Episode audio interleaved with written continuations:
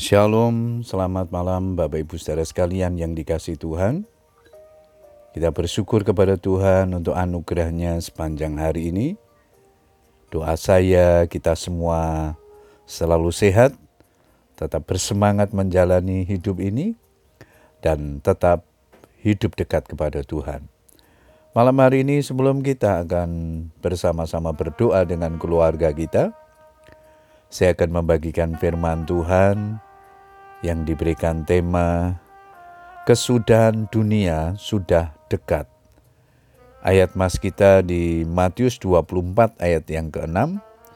Firman Tuhan berkata demikian, kamu akan mendengar deru perang atau kabar-kabar tentang perang, namun berawas-awaslah, jangan kamu gelisah, sebab semuanya itu harus terjadi, tetapi itu belum kesudahannya.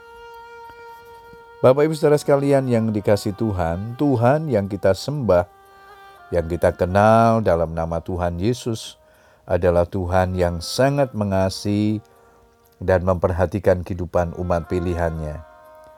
Bukti kasih dan perhatian Tuhan kepada umatnya adalah memberitahukan sejak semula tentang keadaan dunia ketika mendekati kesudahannya.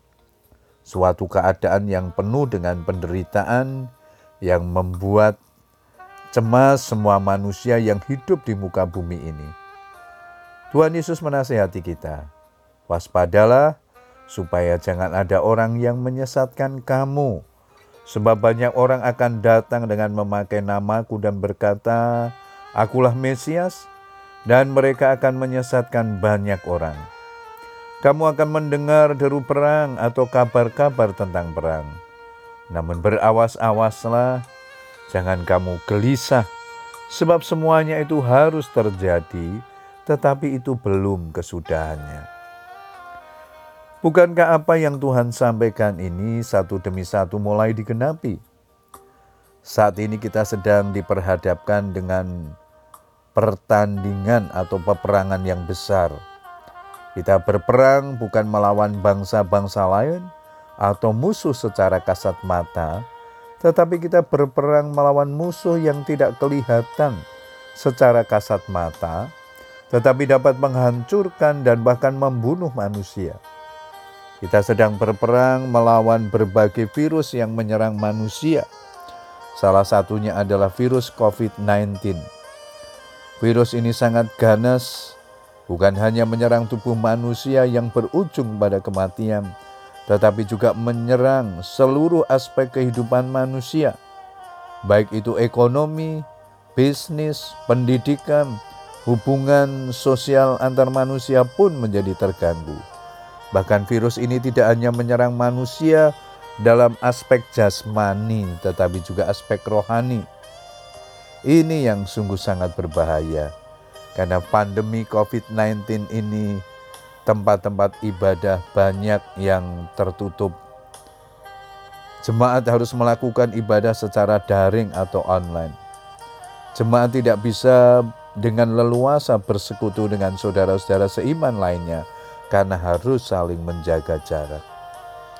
Bapak Ibu Saudara sekalian dikasih Tuhan, melihat keadaan dunia yang seperti ini, marilah kita makin peka rohani. Marilah kita lebih bersungguh-sungguh dalam mengerjakan perkara-perkara rohani. Mari kuatkan iman kita. Mari perbanyak doa-doa kita di hadapan Tuhan, sehingga kita mampu menjalani hari-hari yang penuh dengan tantangan dan persoalan ini. Janganlah kita terus disibukkan dengan perkara-perkara dunia yang tidak akan pernah selesai, sebab dunia ini sudah mendekati kesudahannya. Puji Tuhan, selamat berdoa dengan keluarga kita. Tetaplah semangat berdoa dan berharap kepada Tuhan. Tuhan yang akan memberkati kita semuanya. Amin.